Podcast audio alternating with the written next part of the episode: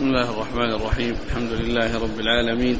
والصلاة والسلام على عبد الله ورسوله نبينا محمد وعلى آله وصحبه أجمعين. أما بعد فيقول الإمام مسلم بن الحجاج القشيري النيسابوري رحمه الله تعالى في كتابه المسند الصحيح قال في كتاب الطهارة حدثنا سويد بن سعيد عن مالك بن أنس حا قال وحدثنا أبو الطاهر واللفظ له قال أخبرنا عبد الله بن وهب عن مالك بن أنس عن سهيل بن أبي صالح عن أبيه عن أبي هريرة رضي الله عنه أن رسول الله صلى الله عليه وسلم قال إذا توضأ العبد المسلم أو المؤمن فغسل وجهه خرج من وجهه كل خطيئة نظر إليها بعينيه مع الماء أو مع آخر قطر الماء. فإذا غسل يديه خرج من يديه كل خطيئة كان بطشتها يداه مع الماء أو مع آخر قطر الماء. فإذا غسل رجليه خرجت كل خطيئة مشتها رجلاه مع الماء أو مع آخر قطر الماء حتى يخرج نقيا من الذنوب. بسم الله الرحمن الرحيم. الحمد لله رب العالمين وصلى الله وسلم وبارك على عبده ورسوله نبينا محمد وعلى آله وأصحابه أجمعين. أما بعد فهذا الحديث وغيره من الأحاديث في معناه تدل على فضل الوضوء وعلى عظيم أجره عند الله عز وجل وأن الله عز وجل يكفر به الخطايا وأنه إذا غسل وجهه الذي هو أول فروض الوضوء فإنه يخرج من يخرج منه مع الماء أو مع آخر قطر الماء كل خطيئة نظرتها عيناه ومعلوم أن هذا إنما إن, أن هذا إنما هو إنما هو في الكبائر في الصغائر. وأما الكبائر فلا يكفرها الأعمال الصالحة. كما سبق أن مر بنا الجمعة إلى الجمعة والصلوات الخمس والجمعة إلى جمعة والجمعة ورمضان إلى رمضان مكفرات ما بينهن ما اجتنبت الكبائر. يعني أن الصغائر تكفر بالأعمال الصالحة التي يعملها الإنسان وأما الكبائر فلا يكفرها إلا التوبة. وقد سبق أن مر, أن مر بنا هذا المعنى يعني كثيرا في الأحاديث السابقة التي مرت عند الإمام مسلم رحمه الله. وذكر هنا النظر ومعلوم النظر حصول النظر أنه من الصغائر ولكن الاستمرار عليه والحرص عليه والمداومة عليه والنظر إلى المحرمات فإن هذا يلحقها بالكبائر كما جاء عن ابن عباس أنه قال لا كبيرة مع الاستغفار ولا صغيرة مع الإصرار. يعني أن الصغيرة مع الإصرار عليها والمداومة عليها يلحقها بالكبائر. وهذا من جنس يعني النظر فإن النظر من الصغائر. ولكن الإنسان إذا داوم عليه وحرص عليه وصار ينظر إلى ما حرم الله ويكرر النظر إلى ما حرم الله ويستمر على ذلك فإن هذا يوضح هذا المعنى الذي جاء عن ابن عباس وأن ذلك يلحقها يلحقها بالكبائر. وذكر النظر فيما يتعلق بالوجه وكذلك ما يتعلق باليدين وأن وأن الإنسان إذا غسل يديه خرج كل خطيئة بغشتها يداه وكذلك بالنسبة للرجلين لكل يعني شيء مشت إليه رجلاه. ومعلوم أن هذا إنما هو في الأمور الصغيرة وأما الكبيرة فإن لا فإنه لا يكفرها إلا التوبة. نعم. قال حدثنا سويد بن سعيد نعم. عن مالك بن أنس. نعم. حا قال وحدثنا أبو الطاهر واللفظ له نعم. عن عبد الله بن وهب عن مالك بن أنس عن سهيل بن أبي صالح عن أبيه عن أبي هريرة. نعم. قال حدثنا محمد بن معمر بن ربعي القيسي قال حدثنا أبو هشام المخزومي عن عبد الواحد وهو ابن زياد قال حدثنا عثمان بن حكيم قال حدثنا محمد بن المنكدر عن حمران عن عثمان بن عفان رضي الله عنه أنه قال قال رسول الله صلى الله عليه وسلم من توضأ فأحسن الوضوء خرجت خطاياه من جسده حتى تخرج من تحت أظفاره. ثم ذكر هذا الحديث عن عثمان بن عفان وهو مختصر وهو بمعنى الحديث السابق أن لأن من توضأ وأحسن الوضوء خرجت خطاياه من جسده حتى تخرج من بين أظفاره. وهذا هو مثل الذي قبله يتعلق بالصغائر. وأما الكبائر فإنه لا يكفرها إلا التوبة. قال حدثنا محمد بن معمر بن ربعي القيسي. هذا هو البحراني الذي ذكرته في درس قريب أنه أحد شيوخ أصحاب الكتب الستة. أحد شيوخ أصحاب الكتب الستة الذين رووا عنهم مباشرة وبدون واسطة. وفيهم يعني هذا الرجل الذي هو محمد بن معمر البحراني. وقد مر ذكرهم في الدرس في, في الدرس الماضي أو الذي قبله. نعم. عن أبي هشام المخزومي وهو المغيرة بن سلمة. عن عبد الواحد وهو ابن زياد عن عثمان بن حكيم عن محمد بن المنكدر نعم. عن حمران عن عثمان نعم. قال رحمه الله تعالى حدثني أبو كريم محمد بن العلاء والقاسم بن زكريا بن دينار وعبد بن حميد قالوا حدثنا خالد بن مخلد عن سليمان بن بلال قال حدثني عمارة بن غزية الأنصاري عن نعيم بن عبد الله المجبر عن قال رأيت أبا هريرة رضي الله عنه يتوضأ فغسل وجهه فأسبغ الوضوء ثم غسل يده اليمنى حتى أشرع في العضد ثم يده اليسرى حتى أشرع في العضد ثم مسح رأسه ثم غسل رجله اليمنى حتى أشرع في الساق ثم غسل رجله اليسرى حتى أشرع في الساق ثم قال هكذا رأيت رسول الله صلى الله عليه وسلم يتوضأ.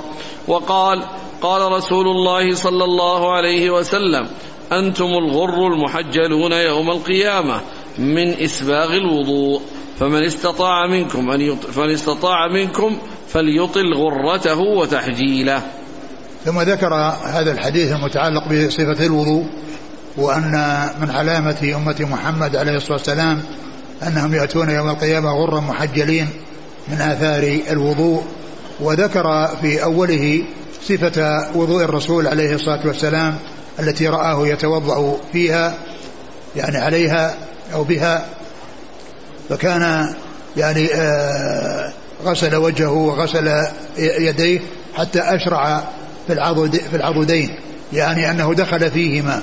ومعنى ذلك أن غسل المرفقين محقق لأن لأنه حصل غسل وحتى حصل تجاوزهما يعني إلى شيء يعني يسير يعني بعد ذلك فيكون الغاية التي هي المرفقان اللي جاءت في القرآن جاء بيانها بالسنة وأنها مغسولة بل إنه يشرع في العضد يعني بحيث أنه يتجاوز المرفقين قليلا حتى يكون دخل في العضد ويكون بذلك تحقق غسل اليدين. تحقق غسل اليدين إلى المرفقين وأن الغاية التي هي المرفقين داخلة في المغية.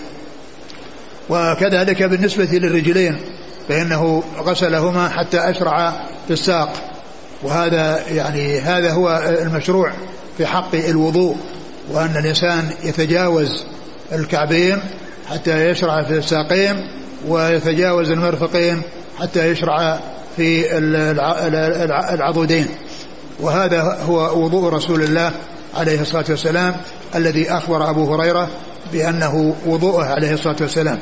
ثم ذكر أن هذا أن هذا الوضوء وهذا ال ال ال الذي يحصل لليدين والركبتين الوجه أن أنهم يأتون غرة محجلين والغرة هي التي تكون يعني في في في وجه الفرس وكذلك في رجليه ويديه وكذلك بالنسبة للمسلمين الذين يأتون بهذا الأمر المشروع. الذي هو الوضوء فإن ذلك يكون بياضا يعني في وجوههم وعلامة عليهم يعني يوم القيامة. وكذلك بالنسبة للرجلين واليدين يأتون ويعني فيهم وفيهم هذه العلامة في في وجوههم لغسل الوجه وفي أيديهم وأرجلهم لكونهم يغسلون الأيدي والأرجل ويتجاوزون ذلك حتى يحصل التحقق. من إسباغ الوضوء على هذه الأعضاء التي هي الوجه واليدين والرجلين. قال أنتم غر محجلون؟ إيش في الآخرة؟ أنتم الغر المحجلون يوم القيامة من إسباغ الوضوء. يعني من إسباغ الوضوء يعني بسبب إسباغ الوضوء. يعني من هذه السببية. يعني فهم غر محجلون بسبب إسباغ الوضوء. يعني وكونهم يأتون به على التمام ويعني لا ينقصون منه شيئا يعني في داخل الأعضاء المغسولة ويحصل منهم التحقق من كونهم غسلوا العضو الذي شرع غسله بحيث يعني يصير يحصل التحقق من من حصول غسله وذلك بمجاوزته يعني الغاية التي ذكرت وهي المرفقان والكعبان نعم. إيش بعده؟ ثم قال فمن استطاع منكم أن يطيل فمن استطاع منكم فليطل غرته وتحجيله. فمن استطاع منكم أن أن يطيل أن يطيل غرة فليطيل غرته وتحجيله. يعني معناه أنه يعني يستكمل يعني أعضاء الوضوء بالنسبة للوجه يعني بحيث أنه يعني يغسل آه يعني يغسله كاملا يعني من جهة الطول يعني من من منابت الرأس وقد يكون ويضيف إليه شيء من أول الرأس وكذلك ما استرسل من اللحية ومن العرض إلى الوجه يعني من عرض الوجه يعني إلى أن يصل إلى يعني الأذنين أو قريب من الأذنين.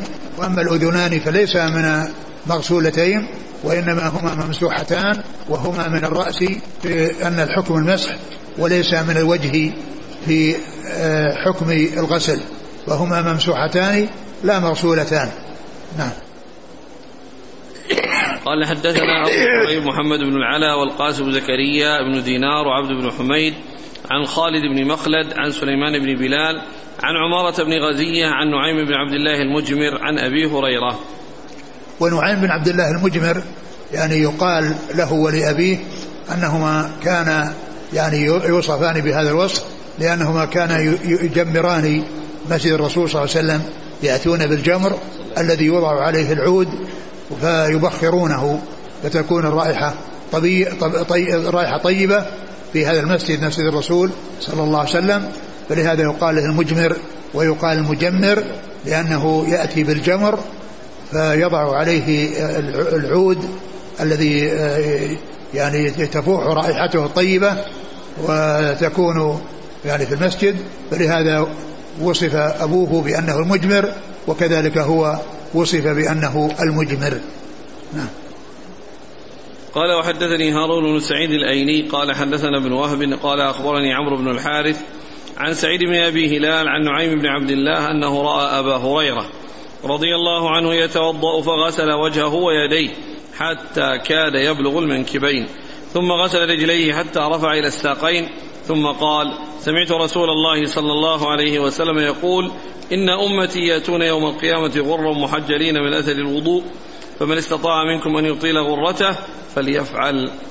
ثم ذكر ثم ذكر هذا الحديث عن أبي هريرة أنه كان توضأ حتى كاد يبلغ الإبطين وكذلك غسل رجليه حتى يعني سار في الساق وقد عرفنا الحديث الأول الذي وصف فيه صلاة رسول وضوء رسول الله صلى الله عليه وسلم وأنه أشرع في العضد وأشرع في الساق وأن هذا هو الذي ينبغي أن يفعله الإنسان وأما هذا الذي فعله أبو هريرة رضي الله عنه من إيصاله إلى إبطه فهذا من اجتهاده رضي الله تعالى عنه وإلا فإن السنة هي هذا الذي جاء في حديث الأول وهو أنه يشرع في العضد ويشرع في الساق.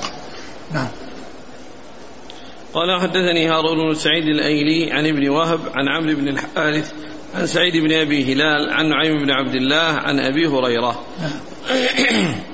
قال حدثنا سويد بن سعيد وابن أبي عمر جميعا عن مروان الفزاري. قال ابن أبي عمر قال حدثنا مروان عن أبي مالك الأشجعي. سعد بن طارق عن أبي حازم عن أبي هريرة رضي الله عنه أن رسول الله صلى الله عليه وسلم قال إن حوضي أبعد من أيلة من عدن. لهو أشد بياضا من الثلج وأحلى من العسل وأحلى من العسل باللبن ولآنية ول ولآنيته أكثر من عدد النجوم. وإني لأصد الناس عنه كما يصد الرجل إبل الناس عن حوضه. قالوا يا رسول الله أتعرفنا يومئذ؟ قال نعم لكم سيما ليست لأحد من الأمم تردون علي غرا محجلين من أثر الوضوء. ثم ذكر هذا الحديث يعني الذي فيه وصف هذه الأمة وأن علامتهم التي يعرفهم بها رسول الله عليه الصلاة والسلام عند ورودهم على الحوض أنهم غر محجلون من أثر الوضوء. يعني هذا هذا التحجيل في أرجلهم وأيديهم بسبب غسل غسله غسلهم غسلها وكذلك الغرة التي في وجوههم بسبب غسل وجوههم فهي العلامة التي آه، تميزت في هذه الأمة والتي أخبر النبي عليه الصلاة والسلام أنه يعرف أمته أنه بها يعرف يعرف أمته بها عليه عليه عليه الصلاة والسلام. وذكر يعني الحوض وذكر يعني آه، سعته ويعني طوله وأنه ما بين عدن وأيلة يعني أيلة في الشام وعدن في, في, في اليمن وهذا يدل على طوله وعلى المساحة الطويلة التي يكون عليها هذا الحوض الذي جعله الله لنبيه صلى الله عليه وسلم والذي يصب فيه يعني من يصب فيه من نهر الكوثر الذي في الجنة كما جاء ذلك مبينا في الأحاديث عن رسول الله عليه الصلاة والسلام وأنه يعني يذود الناس الذين ليس لهم حق الورود يعني عليه يذودهم عن حوضه عليه الصلاة والسلام وأن أمته والذين يستحقون أن, أن يعني يعني يشربوا من هذا الحوض علامتهم هذه التي بينها رسول الله عليه الصلاة والسلام وهي الغرة والتحجيل نعم. قال حدثنا سويد بن سويد بن سعيد وابن أبي عمر جميعا عن مروان الفزاري. قال ابن أبي عمر حدثنا مروان عن أبي مالك الأشجعي سعد بن طارق عن أبي حازم. أبو حازم هو سلمان الأشجعي. إذا جاء أبو حازم يروي عن أبي هريرة وهو سلمان الأشجعي. وإذا جاء أبو حازم يروي عن سهل بن سعد الساعدي فالمراد به سلمة بن دينار. نعم. قال وحدثنا أبو كريب وواصل بن عبد الأعلى واللفظ لواصل قال حدثنا ابن فضيل عن أبي مالك الأشجعي عن أبي حازم عن أبي هريرة رضي الله عنه قال قال رسول الله صلى الله عليه وسلم ترد علي أمتي الحوض وأنا أذود الناس عنه كما يذود الرجل إبل الرجل عن إبله قالوا يا نبي الله أتعرفنا؟ قال نعم لكم سيما ليست لأحد غيركم تريدون علي غر محجلين من آثار الوضوء وليصدن عني طائفة منكم فلا يصلون فأقول يا ربي هؤلاء من أصحابي فيجيبني ملك فيقول وهل تدري ما أحدثوا بعدك؟ ثم ذكر هذا الحديث الذي فيه أن أن الرسول عليه الصلاة والسلام يكون على حوضه وأنه ترد عليه أمته وأن فيهم من يذاد عنه وكان يعرفهم فيقول أصحابي فيقال فيقول له ملك إنك لا تدري ما أحدثوا بعدك. والمقصود بقوله أصحابي هم الجماعة القليلة جدا الذين ارتدوا بعد وفاة الرسول صلى الله عليه وسلم وقتلوا على الردة. أما من عاد إلى الإسلام من مما ارتد منهم فهذا آه، ليس ليس هذا حكمه. بل هو معتبر أيضا من الصحابة لأن لأن الصحبة يعني وصف الصحبة وفضيلة الصحبة لا تذهب أو لا تزول عن عن الصحابي إلا إذا ارتد ومات على الردة. أما إذا عاد إلى الإسلام فإنه باق على صحبته ولهذا جاء يعني في عن عن المحدثين أو عن العلماء في هذه الأمة أنهم رووا أو أثبتوا أحاديث بعض الصحابة الذين ارتدوا ورجعوا إلى الإسلام وماتوا وماتوا على الإسلام. فإذا قوله أصحابي ليس المقصود به يعني آه، آه، أصحابه الذين بقوا على دينه والذين نشروا دينه كما يعني يزعمه بعض أهل الضلال وإنما المقصود به الذين ارتدوا عن دينه وماتوا على الردة. الذين ارتدوا على دين عن دينه وماتوا على الردة فإنه كان يعرفهم عليه الصلاة والسلام ومع ذلك ديدوا أو حصل ديادة مع الحوض لأنهم ماتوا على الكفر وماتوا على وماتوا على الردة. ف فإذا هذا المقصود بقوله أصحابي الذين ديدوا عن الحوض. نعم. قال وحدثنا أبو كريب وواصل بن عبد الأعلى واللفظ لواصل. عن ابن فضيل محمد بن فضيل. عن أبي مالك الأشجعي عن أبي حازم عن أبي هريرة. نعم. قال وحدثنا عثمان بن أبي شيبة قال حدثنا علي بن مسهر عن سعد بن طارق عن ربعي بن حراش عن حذيفة رضي الله عنه قال قال رسول الله صلى الله عليه وآله وسلم إن حوضي لأبعد من أيلة من عدن والذي نفسي بيده إني لأذود عنه الرجال كما يذود الرجل الإبل الغريبة عن حوضه قالوا يا رسول الله وتعرفنا قال نعم تردون علي غر محجلين من آثار الوضوء ليست لأحد غيركم نعم ثم ذكر الحديث عن حذيفة رضي الله عنه وهو مثل ما تقدم عن أبي هريرة وغيره أنه عليه الصلاة والسلام يعرف أصحابه ويعرف أمته بهذه العلامة التي هي لهم وليست لغيرهم وهي سيما التحجيل والغرة التي تكون بسبب الوضوء. قال وحدثنا عثمان بن أبي شيبة عن علي بن مسر عن سعد بن طارق عن ربعي بن حراش عن حذيفة نعم.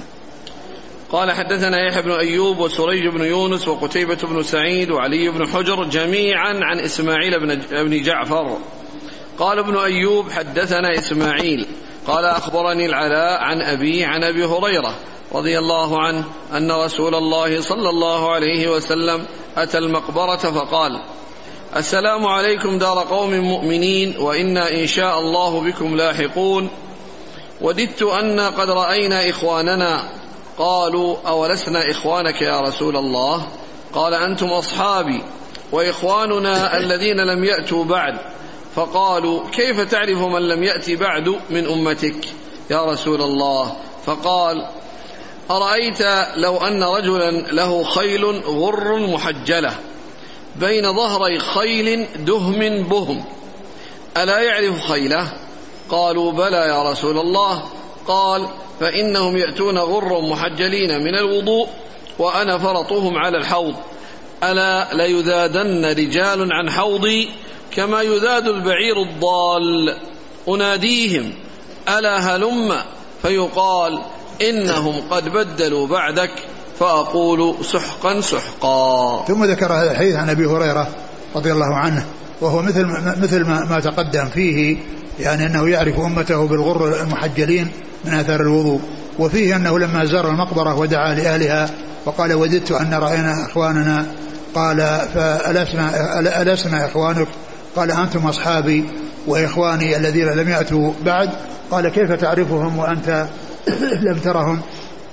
قال إنه يعرفهم بالعلامة التي جعلها الله تعالى فيهم وهي أنهم يأتون غر محجلين من آثار الوضوء. نعم.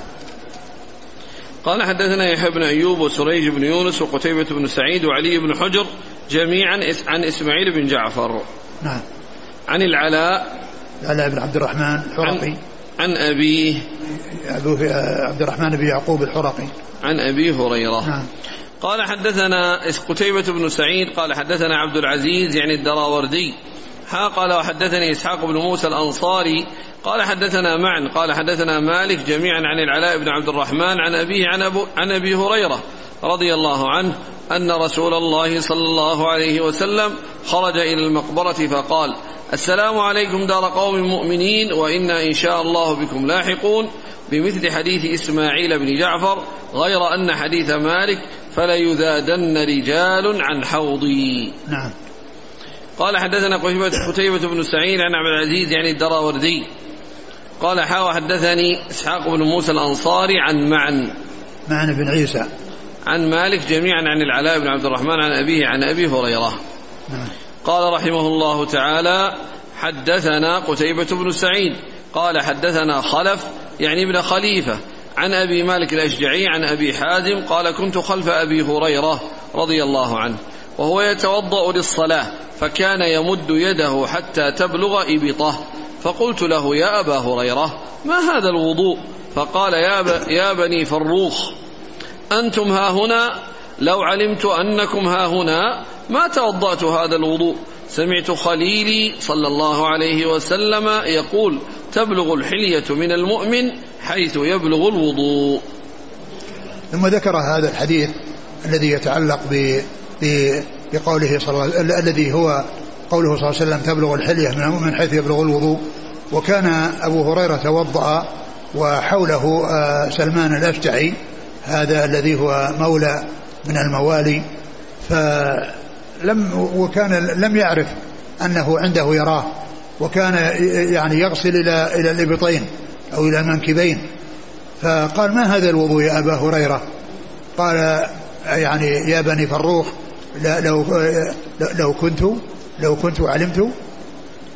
يقول فقال يا بني فروخ أنتم ها هنا لو علمت أنكم ها هنا ما توضأت هذا الوضوء. ما توضأ هذا الوضوء لأن هذا يشعر بأن هذا باجتهاد منه رضي الله عنه يعني هذا الفعل الذي يفعله.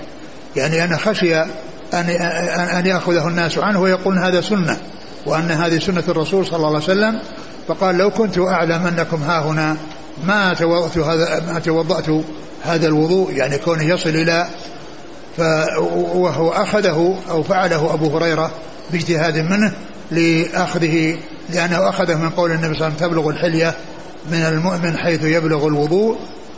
ولكن آه، الحديث الذي سبق عن أبي هريرة والذي وصف فيه وضوء الرسول صلى الله عليه وسلم وأنه أشرع في العضد يعني هذا هو الذي يبين السنة التي على كل مسلم أن يفعلها.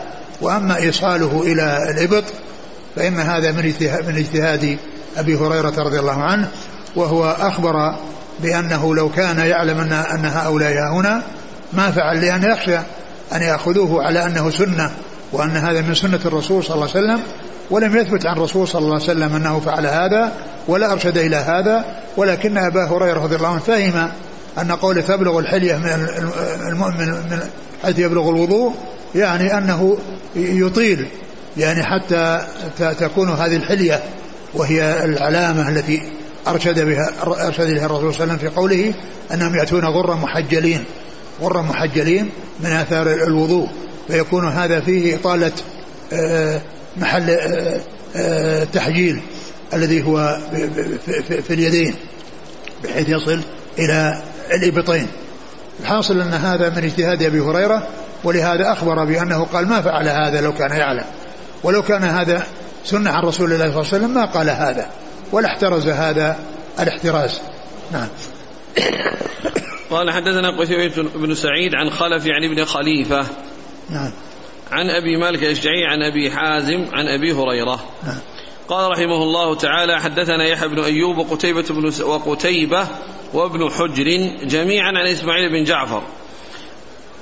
قال ابن أيوب حدثنا إسماعيل قال أخبرني العلاء عن أبيه عن أبي هريرة رضي الله عنه أن رسول الله صلى الله عليه وسلم قال ألا أدلكم على ما يمحو الله به الخطايا ويرفع به الدرجات؟ قالوا بلى يا رسول الله قال إسباغ الوضوء على المكاره وكثرة الخطى إلى المساجد وانتظار الصلاة بعد الصلاة فذلكم الرباط. ثم ذكر هذا الحديث الذي آه، عن أبي هريرة رضي الله عنه أن النبي صلى أن النبي صلى الله عليه وسلم قال ألا أدلكم على ما يمحو الله به الذنوب و ويرفع به الدرجات. على ما يمحو الله به الذنوب ويرفع به الدرجات. وهذا قاله رسول الله صلى الله عليه وسلم آه، في البداية من أجل أن يلفت انتباههم وأن يحفزهم على الاستعداد للشيء الذي سيلقيه عليهم. وهذا من كمال بيانه صلى الله عليه وسلم وكمال نصحه لأمته عليه الصلاة والسلام. فإنه يمهد للشيء الذي يريد أن يبلغهم به آه، بتمهيدات تدل على آه، فيها حفزهم ولفت أنظارهم واهتمامهم بأن يصغوا وأن يستعدوا لتلقي ما يلقيه عليهم رسول الله صلى الله عليه وسلم. قالوا بلى. فلما قال لهم هذه المقالة قالوا بلى. قال عليه, عليه الصلاة والسلام كثرة الخطى إلى إسباغ الوضوء على المكاره. أول إسباغ الوضوء على المكاره وهذا هو محل محل إرادة في كتاب الطهارة. إسباغ الوضوء على المكاره. يعني يعني مع المشقة ومع حصول المشقة مثل ما يكون الجو بارد والإنسان يستعمل الوضوء الذي فيه برودة يعني في الشتاء. هذا من المكاره يعني الأشياء التي آه، تكرهها النفس والتي فيها مشقة على النفس. ثم كذلك أيضا الذهاب إلى المساجد. الذهاب إلى المساجد وقد يكون الجو باردا ويكون الظلام أيضا موجود. فيكون الإنسان آه، استعمل أو أتى بهذه العبادة التي فيها مشقة عليه وفيها أمور تكرهها نفسه يعني من بطبيعتها وهو أن استعمال الماء البارد يعني فيه مشقة وكذلك الخروج في الجو القارس فيه مشقة و آه، فهذا هو معنى إسباغ الوضوء على المكاره يعني مع وجود الأشياء التي تكرهها النفس عند استعمال الوضوء. وإسباغ الوضوء يعني يأتي به على التمام والكمال. يأتي به على التمام والكمال وأقل شيء يكون فيه إسباغ الوضوء أن يستوعب الأعضاء كلها بحيث لا يبقى منها مقدار شيء ولو كان يسيرا كما سبق في قصة الظفر الذي توضأ وبقي مقدار الظفر فالرسول أمره بأن يعيد الوضوء وأن يعيد الصلاة. فقال وكثرة الخطى إلى المساجد يعني التردد إلى المساجد وذلك بالمحافظة عليها والذهاب إليها وكل إنسان يعني يكون قلبه معلق بها إذا خرج من المسجد فهو في, في يفكر في الوقت الذي يرجع فيه المسجد. يفكر في القلب في الوقت الذي يرجع فيه إلى المسجد لأنه مشغول بالمسجد والذهاب إليه والبقاء به والبقاء فيه وإذا خرج منه فإنه مشغول بالتفكير بالرجوع إليه والوقت الذي يرجع إليه. قال إسباغ الوضوء عن المكاره وكثرة الخطى إلى المساجد وانتظار الصلاة بعد الصلاة. يعني كل إنسان أيضا يمكث في المسجد ويحرص على أن يكون يعني باقيا في المسجد وذلك بأن يعني يصلي صلاته ثم ينتظر الصلاة التي وراءها ينتظر الصلاة الصلاة اللي وراءها لأنه إذا كان كذلك فإن فإن فإن فإنه في صلاة كما جاء في بعض الأحاديث. ما لم يؤذي أو يحدث ما لم يؤذي أو يحدث. ثم قال فذلكم الرباط. الرباط هو في الأصل معروف أن الرباط على الثغور لصد الأعداء ولمعرفة تحركات الأعداء. ولكن المقصود هنا يعني الرباط الذي هو الملازمة لطاعة الله عز وجل. الملازمة لطاعة الله عز وجل والثبوت عليها وذلك بأن يتوضأ على هذه الكيفية التي فيها مشقة وأن يكثر الترداد إلى المساجد وأنه إذا دخل المسجد يحرص على البقاء فيه وإذا فرغت الصلاة فهو ينتظر الصلاة الأخرى. قال فذلكم الرباط. يعني هذا هو الرباط الذي فيه حبس النفس ويعني آه، صد آه، الشيطان عن أن يكون له سبيل إليها وذلك بالمحافظة على طاعة الله والملازمة لطاعة الله عز وجل. ومعلوم أن الخير إنما هو في المساجد لأن المساجد هي محل الطاعة وهي أحب البقاع إلى الله عز وجل كما جاء في الحديث الذي سبق أن ذكرته عن عند مسلم. أحب البقاع إلى الله مساجدها وأبغضها إليه أسواقها. نعم. قال حدثنا يحيى بن أيوب وقتيبة بن حجر جميعا إسماعيل بن جعفر عن العلاء عن أبيه عن أبي هريرة. نعم. قال حدثني إسحاق بن موسى الأنصاري قال حدثنا معن قال حدثنا مالك قال حدثنا محمد بن المثنى قال حدثنا محمد بن جعفر قال حدثنا شعبة جميعا عن العلاء بن عبد الرحمن بهذا الإسناد وليس في حديث شعبة ذكر الرباط وفي حديث مالك ثنتين فذلكم الرباط فذلكم الرباط. وهذا مثل الذي قبله لأن في بعض يعني طرقه يعني ليس فيه ذكر الرباط وفيه أنه ذكر ذكر الرباط مرتين. فقال فذلكم الرباط فذلكم الرباط يعني تأكيد يعني الجملة الثانية تأكيد للجملة الأولى وذلك لبيان أهميته وعظيم شأن هذا العمل الذي هو ملازمة المساجد لذكر الله ولعبادته وقراءة القرآن والاشتغال بالعلم النافع وغير ذلك مما هو ذكر لله سبحانه وتعالى. قال حدثني إسحاق بن موسى الأنصاري عن معن عن مالك.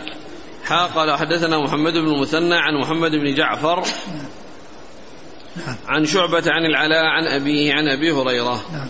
قال حدثنا قتيبة بن سعيد وعمر الناقد وزهير بن حرب قالوا حدثنا سفيان عن أبي الزناد عن الأعرج عن أبي هريرة رضي الله عنه عن النبي صلى الله عليه وسلم أنه قال لولا أن أشق على المؤمنين وفي حديث زهير على أمتي لأمرتهم بالسواك عند كل صلاة. ثم ذكر هذه الأحاديث المتعلقة بالسواك. المتعلقة بالسواك وبيان أهميته وعظيم شأنه عند الله عز وجل. وهذا الحديث يدل على يعني مشروعيته وتأكد مشروعيته بل وتأكد مشروعيته وهو, وهو, ليس بواجب. لأن النبي صلى الله عليه وسلم قال لولا أن أشق على أمتي لأمرتهم بالسواك عند كل صلاة. يعني لأمرتهم يعني أمر إيجاب. يعني لو أن أشق على أمتي لأمرتهم بالسواك عند كل صلاة يعني أمر إيجاب لأن أمر الاستحباب موجود وحاصل. من قوله ومن فعله عليه الصلاة والسلام فإنه كان يستاك وكان عليه الصلاة والسلام يرغب في السواك ومن ذلك الحديث الذي قال فيه النبي صلى الله عليه وسلم عن السواك وقال في بيان وصفه وفائدته الدنيوية والأخروية قال إنه إنه آه، مطهرة للفم مرضاة للرب مطهرة للفم للفم مرضاة للرب. يعني فأشار إلى مصلحتين دنيوية وأخروية. وأخروية دنيوية أيضا. وهو كونه مطهرة للفم يعني كون الفم يكون يعني يعني نظيفا ويكون يعني فيه رائحة طيبة. ففيه يعني هذه المطهرة للفم. وهذه دنيوية. ومرضاة للرب لأن لأن فيه يعني الأخذ بما جاء عن, عن, الله وعن رسوله عليه الصلاة والسلام فيكون في ذلك رضا الله عز وجل. في, في ذلك رضا الله عز وجل. ففيه الجمع بين المصلحة الدنيوية والشيء والآخر الذي هو مصلحة أخروية وأيضا مصلحة دنيوية. لأن تقوى الله عز وجل يستفيد منها الإنسان في دنياه وفي آخرته. يستفيد من يستفيد منها في دنياه وفي آخرته. وأما المطهرة للفم فهذه فائدة دنيوية فقط.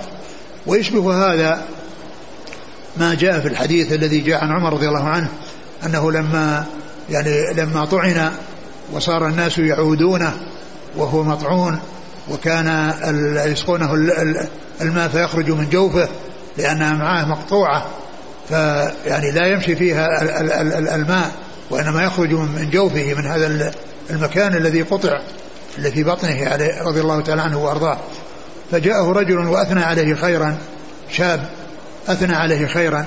ولما ذهب وإذا ثوبه يمس الأرض يعني ثوبه نازل هذا الشاب فعمر مع ما هو فيه من الشدة ما يعني منعه ما هو فيه من أن يعني يشير إلى أو ينصح هذا الشاب لأمر حصل منه من النقص وهو كون ثيابه نازلة قال ردوا علي الغلام فقال يا ابن أخي ارفع ثوبك فإنه أتقى لربك وأبقى لثوبك أتقى لربك وأبقى لثوبك لأن قوله أبقى لثوبك أو أنقى لثوبك يعني هذه مصلحة دنيوية وأما أتقى لربك ففيها المصلحة الدنيوية والأخروية فهذا من جنس ما جاء في حديث آه أن السواك مطهرة للفم مرضاة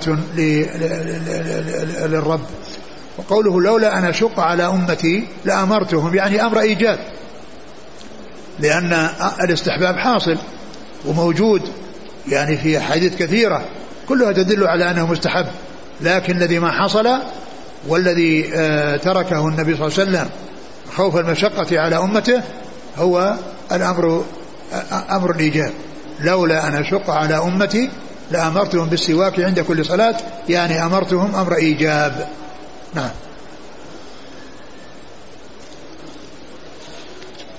قال حدثنا قتيبة بن سعيد وعمر الناقد وزهير بن حرب عن سفيان.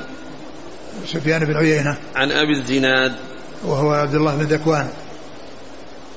عن الأعرج. عبد الرحمن بن هرمز. عن أبي هريرة. وأبو الزناد والأعرج كلهما لقبان إلا أن أبا الزناد لقبه على صيغة الكنية. وكنيته أبو عبد الرحمن ولقبه أبو الزناد لقب على صيغة الكنية مثل أبو هريرة فإنه لقب. وكذلك أما أما الأعرج وهو لقب لعبد الرحمن ابن هرمز. نعم. قال حدثنا أبو كريب محمد بن العلا قال حدثنا ابن بشر عن مسعر عن المقدام بن شريح عن أبيه قال سألت عائشة رضي الله عنها قلت بأي شيء كان يبدأ النبي صلى الله عليه وسلم إذا دخل بيته. قالت بالسواك ثم ذكر هذا الحديث عن عائشة الذي فيه مشروعية السواك عند دخول عند دخول البيت. عند دخول الإنسان بيته فإنه يشرع له أن يستاك. وذلك لأنه إذا دخل البيت يكون على رائحة طيبة يعني في في في فمه يعني تكون رائحته آه، طيبة. وهذا من المواضع التي يشرع فيها السواك. لأن عند دخول عند دخول البيت وذلك عند الصلاة وعند الوضوء وعند تغير رائحة الفم. هذه أمور يشرع فيها السواك. وهذا الحديث الذي معنا يدل على أن من هذه المواضع أن يكون عند دخول البيت. نعم. قال حدثنا أبو كريم محمد بن العلاء عن ابن بشر. محمد بن بشر. عن مسعر ابن كدام. عن المقدام بن شريح عن أبيه. نعم. عن عائشة. قال وحدثني أبو بكر بن نافع العبدي قال حدثنا عبد الرحمن عن سفيان عن المقدام بن شريح عن أبيه عن عائشة رضي الله عنها أن النبي صلى الله عليه وسلم كان إذا دخل بيته بدأ بالسواك. وهذا مثل الذي قبله. نعم. قال حدثني أبو بكر بن نافع العبدي نعم. عن عبد الرحمن بن, بن, بن مهدي. عن سفيان الثوري. عن مقدام بن شريح عن أبيه عن عائشة. نعم. قال حدثنا يحيى بن حبيب الحارثي قال حدثنا حماد بن زيد عن غيلان وهو ابن جرير المعولي. عن أبي بردة عن أبي موسى رضي الله عنه أنه قال دخلت على النبي صلى الله عليه وسلم وطرف السواك على لسانه. وهذا أيضا من فعله عليه الصلاة والسلام فيما يتعلق بالسواك لأنه كان يعني آه يعني آه يعني جاء يعني ما يدل من قوله ومن فعله. فقوله لولا أن أشق على أمتي لامرتهم بالسواك عند كل صلاة. وفعله الحديث الأول ذاك الذي مر أنه كان الذي قبل هذا عن عائشة أنه كان يبدأ بالسواك. وهذا من فعله عليه السلام عند دخول عند دخول البيت. وهذا أيضا من فعله وأنه رآه يستاك هو أبو موسى الأشعري وطرف السواك على لسانه. طرف السواك على على على, على لسانه. ومعنى ذلك أن الإنسان يحرك السواك على أسنانه وكذلك على لسانه. نعم. قال حدثنا يحيى بن حبيب الحارثي عن حماد بن زيد عن غيلان وهو ابن جرير المعولي عن أبي بردة. ابن أبي موسى الأشعري. عن أبي موسى عن أبيه أبي موسى وعبد الله بن قيس الأشعري رضي الله عنه. قال حدثنا أبو بكر بن أبي شيبة قال حدثنا هشيم عن حصين عن أبي وائل عن حذيفة رضي الله عنه أنه قال كان رسول الله صلى الله عليه وسلم إذا قام ليتهجد يشوص فاه بالسواك ثم ذكر هذا الحديث عن عن عن حذيفة رضي الله عنه وأنه إذا قام يتهجد أي إذا قام من الليل يتهجد أول ما يقوم يشوص فاه بالسواك يشوص فاه بالسواك يشوص فاه يعني يحركه يعني ويدلكه والمقصود كان يدلك أسنانه يعني يعني يدلك أسنانه ليذهب ما فيها من من رائحة يعني بسبب النوم كان إذا استيقظ من نومه يشوص فاه بالسواك وهذا أيضا من المواضع التي ورد بها السنة في الاستياك. قال حدثنا أبو بكر بن أبي شيبة عن هشيم بن بشير الواسطي عن حصين بن عبد الرحمن عن أبي وائل وهو هو شقيق بن سلمة. عن حذيفة. نعم. قال حدثنا إسحاق بن إبراهيم قال أخبرنا جرير عن منصور حا قال حدثنا ابن نمير قال حدثنا أبي وأبو معاوية عن الأعمش كلاهما عن أبي وائل عن حذيفة رضي الله عنه قال كان رسول الله صلى الله عليه وسلم إذا قام من الليل بمثله ولم يقولوا ليتهجد. نعم. قال حدثنا إسحاق بن إبراهيم عن جرير ابن عبد الحميد الضبي. عن منصور ابن المعتمر.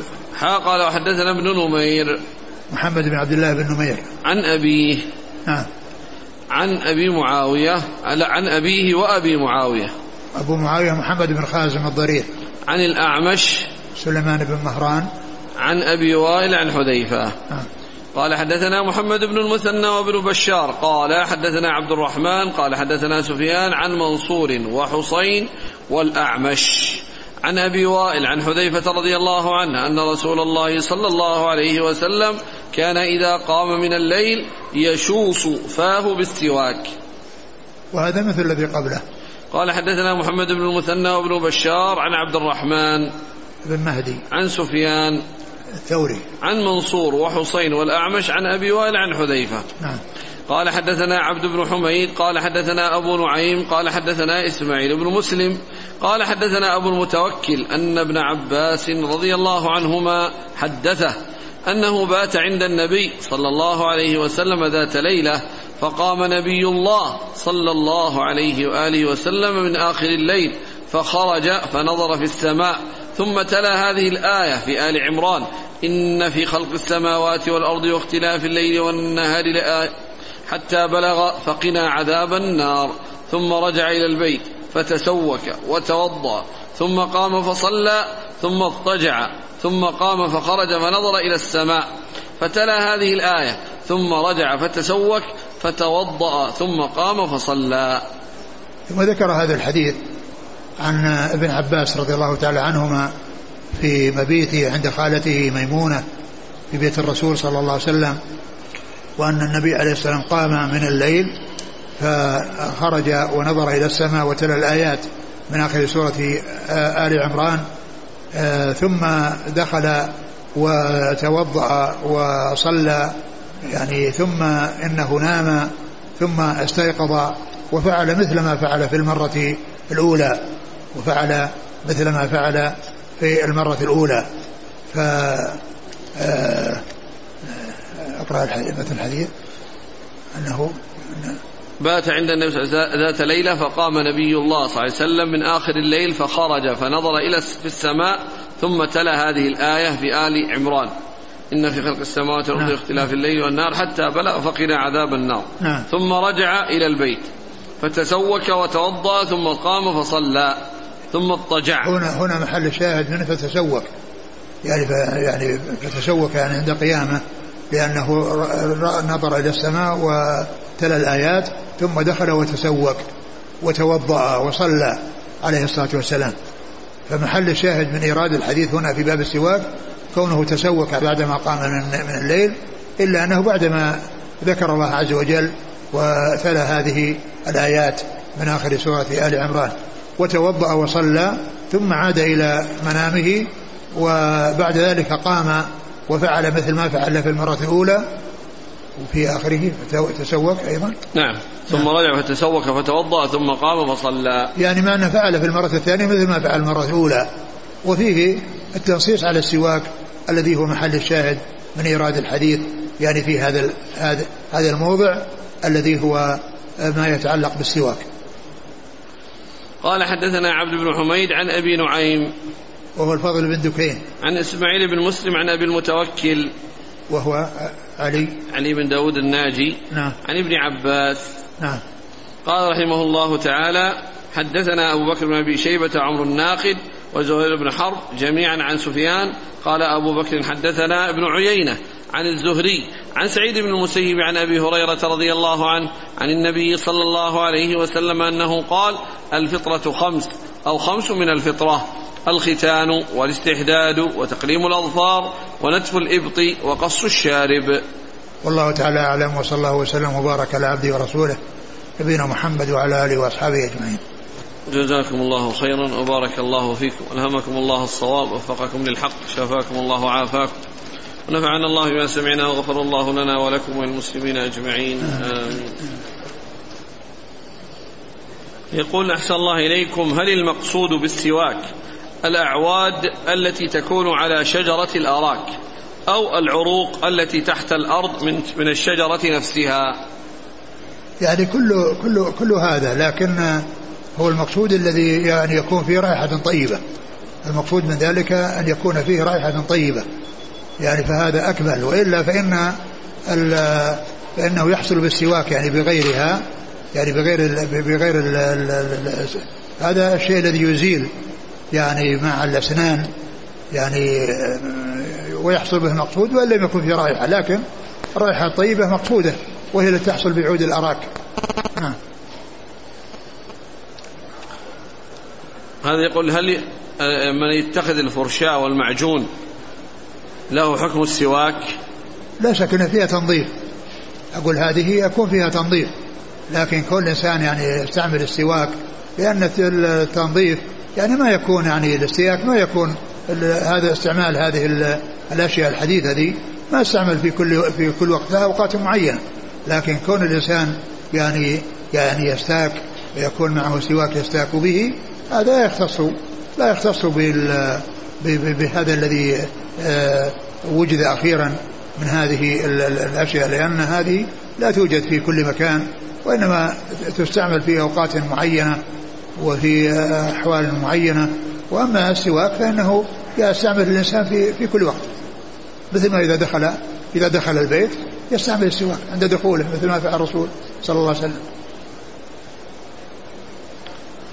يقول وهل الأفضل أن يستاك باليمين أم باليسار؟ يعني ال ال يعني هذا يعني بعض العلماء يقولون هذا من النوع الذي هو يعتبر من من من من, من يعني ليس من إزالة يعني الشيء الذي يستقدر كالمخاط الذي يكون بالأنف وأنه لا يستعمله في اليسار يعني من العلماء من يقول أنه يستعمل في اليمين لأن هذا من الأشياء التي فيها تطيب. نعم. يقول هل يجوز استعمال السواك في المواضع التي لم تذكر في الأحاديث؟ يعني مثلا السواك عند مثلا في مجلس عام أمام الناس. بعضهم يقول يتقدر الرسول صلى الله عليه وسلم استاك أمام الناس لأنه لما جاء أبو موسى الأشعري لما جاء إليه ومعه جماعة من الأشعريين كان كان يستاك عليه الصلاة والسلام. ولهذا عبر أو ترجم له يعني بعض العلماء قال استياك الحاكم بحضور رعيته أو استياك الإمام بحضرة رعيته. نعم. يقول متى يكون الشرب من الحوض؟ هل بعد القيام والبعث من القبور مباشرة أو بعد الحساب؟ ما موضعه في عرصات القيامة أو أهوال يوم القيامة؟ لا هو قبل الحساب وقبل الميزان يعني قبل وزن الأعمال والناس يقومون يعني عطاشا فيحتاجون إلى الماء فيذهبون إلى الحوض. فهو قبل قبل الحساب لأن الحساب يعني عند الميزان يعني قبله قبله الحوض. يقول هل من السنة قراءة أواخر آل عمران عند القيام من النوم ليلا؟ نعم من السنة. الرسول صلى الله عليه وسلم ما جاء عنه وثبت عنه هو سنة.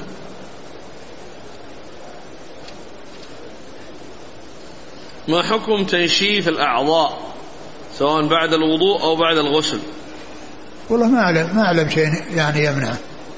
أقول لا أعلم شيئا يمنعه. ما حكم الاستياك بالإصبع؟ يعني كون الإنسان آه، آه، إذا ما حصل يعني كونه آه، ينظف فمه بسواك وإنما يعني ينظفه بالإصبع يعني مع مع الماء يعني لا بأس بذلك. ولكنه يعني كونه يستعمل السواك ويستعمل الشيء الذي يعني يفيد يعني في هذا من أراك أو غيره أن هذا هو هو, هو الذي ينبغي.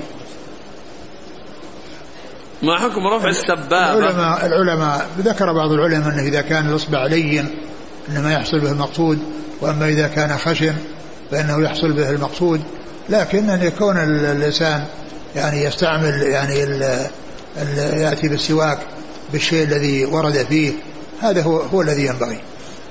ما حكم رفع السبابة عند الانتهاء من الوضوء وقول الذكر المشروع؟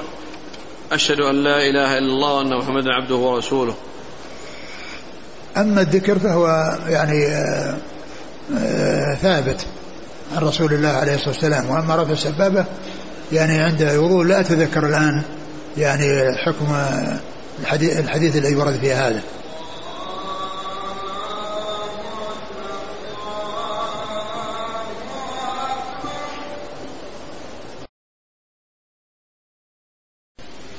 رفع السبابة شيخنا أيوة وين وجد؟ ها؟ أيوة وين أنا؟ ما أذكر الحديث اللي في هذا. آه. طيب والتوجه إلى القبلة؟ هل ثبت التوجه إلى القبلة بعد الوضوء وذكر الدعاء؟ والله ما ما نعلم شيء يدل عليه. أما بالنسبة للدعاء هذا اللي مر بنا قريبا في حديث عمر اللي قال فتح له باب الجنة ثمانية يدخل من أيها شاء. اللي هو ذكر الدعاء. أما رفع السبابة وكذلك استقبال القبلة أما رفع السبابة ورد لكن لا أدري عن شيء صحته. وأما استقبال القبلة لا أعرف شيء يدل عليه. يقول هل ثبت عن النبي صلى الله عليه وسلم أنه كان يضع السواك فوق أذنيه أو إحدى الأذنين؟ والله لا أقول لا أدري. يقول آه، من حصل منه الرعاف هل يجب عليه إعادة الوضوء؟ نعم إذا كان كثيرا يعيد الوضوء. يقول آه، سائلة من ليبيا تقول أبي متوفى وأنا أراه في المنام يضربني. فما تفسير هذه الرؤية؟ والله أنا لا أعرف تعبير, تعبير الرؤى. أنا لا أعرف تعبير الرؤى. لكن يعني عليها أن تحرص أن تفيد والدها يعني في الشيء الذي يعني يمكن الإفادة فيه وذلك بأن تصدق عنه وتدعو له. لأن هذا هذا مما يفيد الميت بعد موته لا سيما الصدقة فإن فإن أنها فإن فائدتها عظيمة. والرسول يقول اتقوا النار ولو بشق تمرة فتحسن إلى والدها وكذلك تحسن إلى نفسها بالأعمال الصالحة. أما بالنسبة لتعبير رؤياها أنا لا أعرف. هل الأنبياء يشربون من الحوض؟ آه، ما أدري هل آه، يعني ورد أن كل نبي حوض لكن ما أدري ما أدري عن لا أدري عن شيء عن صحته ولا ورد فيه أن لكل نبي حوض لكن لا أدري لا أدري الآن شيء عن صحته. إذا بقي شيء من الرجل لم يصبه الماء فهل عليه أن يعيد الوضوء من أوله يعني إذا ذكره شخص بعد ذلك فرآه. إذا كان إذا كان أنه رآه ورجله رطبة ثم مسح أو غسل يعني آه يعني والماء في رجليه فإن ذلك يكفي. وإذا أما إذا يبست الرجل فإن عليه يعيد الوضوء من أوله. هل من السنة أن يقرب الإنسان بين خطاه وهو ذاهب إلى المسجد حتى تكثر الخطى ما نعلم شيء يدل على هذا. الإنسان يمشي المشي المعتاد يمشي المشي المعتاد وإن شاء الله يحصل الخير الكثير في هذا. أما قضية أن يكون يعني يتباطأ في مشيه أو يقرب بين الخطوة من الخطوة ما ما أعلم ما أعلم يعني شيء يدل على هذا. الإنسان يعمل الشيء الذي آه، هو عادته الذي هو عادته والشيء الذي يعني جبله الله عليه. في مشيه يمشي المشي المعتاد. فلا يحصل منه الإسراع ولا يحصل منه التباطؤ. وهو إذا ذهب إلى المسجد سيحصل خيرا كثيرا في المسجد. يقول سائلة تقول أحيانا عندما أقرأ المعوذات في الصلاة أنفث من غير شعور. فهل ذلك يوجب إعادة الصلاة أو بطلان الصلاة لا, لا ما تعيدها ولكنها تحرص على أنها تنتبه لصلاتها وأن حالة صلاتها غير حالة كونها ترقي نفسها بأن تقرأ المعوذات وتمسح بيديها يعني آه، تقبل على صلاتها ولكن ما نقول إنها يعني إنها تبطل صلاتها بذلك. يقول في الدرس الماضي مر معنا أن الشيطان يبيت على خيشوم الإنسان. وفي الحديث آخر كذلك أن الشيطان لا يعني لا, لا يقرب من قرأ آية الكرسي. آه معلوم أن قراءة آية الكرسي هذه اللي جاءت في حديث أبي هريرة حديث أبي هريرة الذي لما كان موكلا بطعام الصدقة وأن الشيطان يأتي ويحثو منه وأنه يعني يقول سيوصله إلى الرسول صلى الله عليه وسلم وثم في الآخر قال دعني أعلمك يعني كلمات فذكر أنه لا يقرب الشيطان.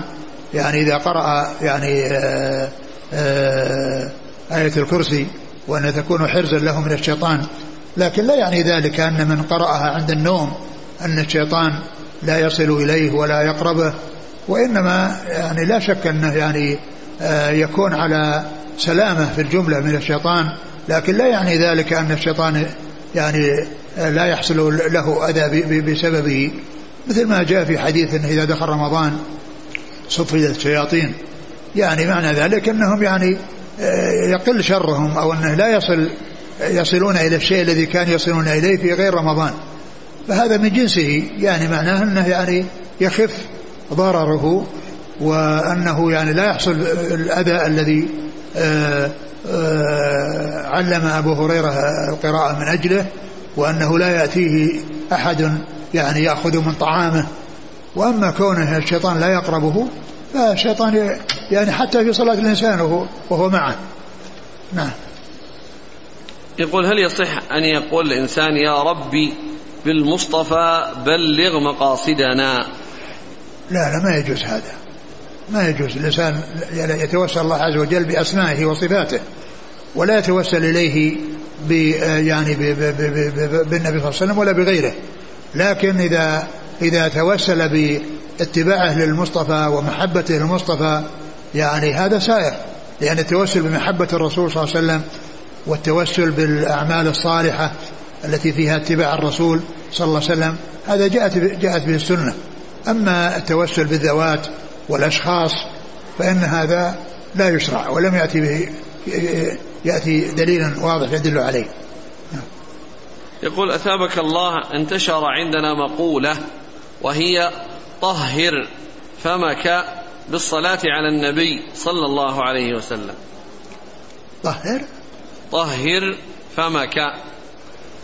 والله ما قضية يعني مثل هذا ذكر الله عز وجل يعني أعظم من ذكر النبي عليه السلام ولا يقال في هذا الكلام.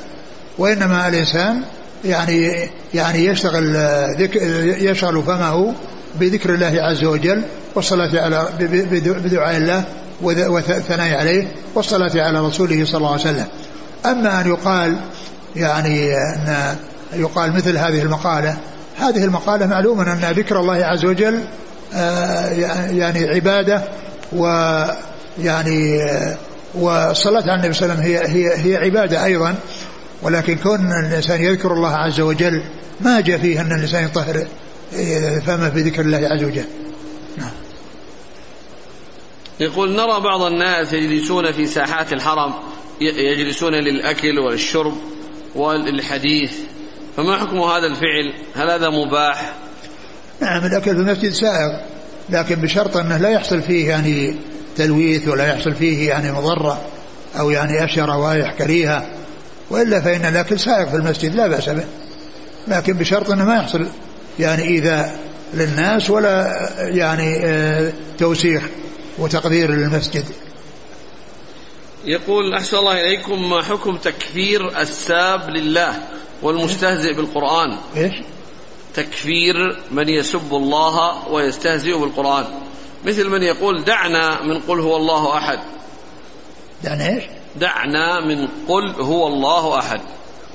يقول هل هذا التكفير خاص بأهل العلم أم جميع من يعني يسمع بهذا يكفر القائل؟ أقول هذا أقول مثل هذا لا شك أنه كفر لكن يعني أشياء واضحة معلوم يعرفها كل أحد من يسب الله عز وجل أو يعني يشتم الرسول صلى الله عليه وسلم أو يسبه هذا كل المسلمين يعرفون ذلك. كل المسلمين يعرفون ذلك ومن فعل ذلك فهو كافر. ولكن أهم شيء عند الإنسان أنه آه، سواء كان يعني والناس سواء في هذا العلم أنه غير سائر العوام والخواص. كل كل يعلم أن هذا لا, لا يجوز. فعليه أن ينصح وأن يرشد وأن يبين ولا يترك الناس آه، يعني يقعون في مثل هذه المحرمات وهو قادر على أن يعني يفيدهم وأن يساعدهم ويعينهم على أنفسهم وأن يخلصهم من من من الوقوع في حبائل الشيطان. الإنسان يحرص أن يكون سببا لهدايتهم. وإلا فإنما من سب الله عز وجل وسب الرسول صلى الله عليه وسلم هو كافر.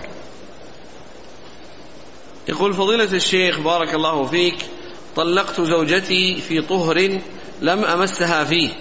وبعد مضي شهر من الطلاق تبين أنها حامل في الشهر الثالث وأسقطت جنينها.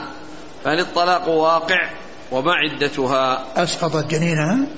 هكذا. أسقطت؟ نعم.